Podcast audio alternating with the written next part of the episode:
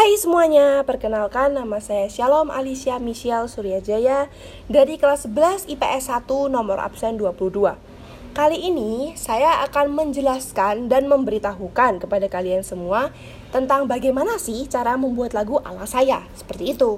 Nah, e, berdasarkan pengalaman saya, membuat lagu itu merupakan kegiatan yang dilakukannya itu secara bertahap jadi membuat lagu itu memiliki tahapan nih dari yang pertama, kedua, ketiga, hingga yang seterusnya.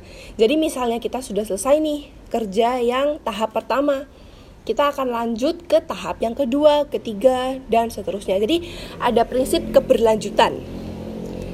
Baik, jadi tahap-tahap atau langkah-langkah yang saya gunakan dalam pembuatan lagu ialah yang pertama, mencari inspirasi. Karena tanpa inspirasi, sebuah lagu pun tidak akan tercipta. Jadi dalam hal ini inspirasi yang saya dapatkan itu bisa murni dari apa yang saya pikirkan. Namun terkadang juga bisa dari uh, musik lain. Saya mencari inspirasi dari ciptaan penyanyi-penyanyi top seperti itu. Nah, dalam proses mencari inspirasi dari musik lain ini, saya itu tetap berusaha untuk bagaimana caranya uh, saya bisa menghasilkan musik yang jauh berbeda dengan musik yang saya jadikan sebagai inspirasi. Jadi dalam hal ini uh, lagu yang saya ciptakan itu memiliki perbedaan atau gimana ya uh, singkatnya itu orang mendengarkan lagu saya tidak langsung teringat pada lagu yang saya jadikan sebagai inspirasi ini. Misalnya uh, saya itu terinspirasi dari lagunya Katy Perry misalnya. Kemudian saya membuat lagu sesuai dengan apa yang saya tangkap dari lagunya si Katy Perry ini. Tapi semisal semisal lagu yang saya buat itu sangat mirip dengan lagunya Katy Perry, maka orang-orang akan beranggapan, wah lagunya si Alicia ini uh, copy paste, lagunya si Alicia ini hasil plagia, plagiarisme dan sebagainya. Uh, maka jika hal ini terjadi, otomatis akan menurunkan citra lagu yang saya buat di mata masyarakat seperti itu. Kemudian yang kedua yaitu menentukan perasaan yang ada dalam lagu yang saya buat.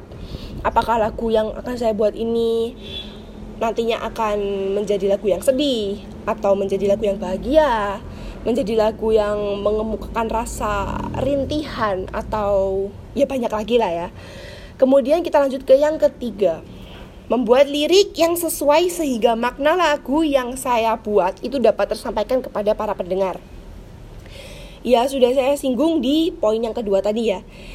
E, membuat pras, e, menentukan perasaan lagu itu seperti apa atau ataukah sedih ataukah senang. Jika saya sudah menentukan bahwa lagu yang akan saya buat ini memiliki perasaan yang sedih, maka dalam pembuatan lirik saya akan memilih kata-kata atau kalimat yang bisa memunculkan simpati dari para pendengar. Seperti itu. Kemudian yang keempat, mencari nada dan mencocokkan dengan lirik.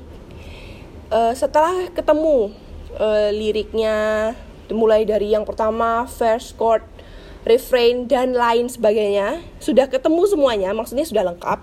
Itu saya akan mencari nada yang pas.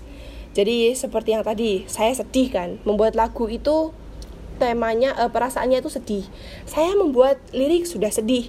Nah, dalam tahap ini saya juga akan mencari nada yang slow atau apa ya? Uh, lambat. Kesannya itu seperti mellow dan mencocokkan dengan lirik. Seperti itu. Kemudian di tahap yang kelima, saya akan mencari kunci, kunci nada yang ada pada musik saya itu pada keyboard atau alat musik yang bisa saya mainkan. Begitu. Jadi nantinya itu bisa misalnya suatu saat ada orang yang mau menyanyikan lagu saya saya bisa mengiringi. Lalu tahap yang keenam. Uh, tahap yang keenam ini seperti apa ya? Jadi bisa jadi seperti ini. Singkatnya lagu yang saya buat itu sudah jadi. Sudah ketemu lirik sudah ketemu perasaannya yang pas sudah ketemu uh, nada-nada yang pas dengan liriknya dan sebagainya Biasanya setelah lagu ini sudah jadi, saya akan merekam diri saya menyanyikan lagu buatan saya sendiri sekaligus saya iringi dengan keyboard. Karena saya memang suka gitu bermain keyboard. Dan seperti itu. Jadi seperti itu cara saya membuat sebuah lagu. Semoga uh, tutorial dari saya atau cara-cara yang biasa saya gunakan ini bisa bermanfaat dan bisa menjadi inspirasi bagi kalian para pendengar. Sekian dari saya dan terima kasih.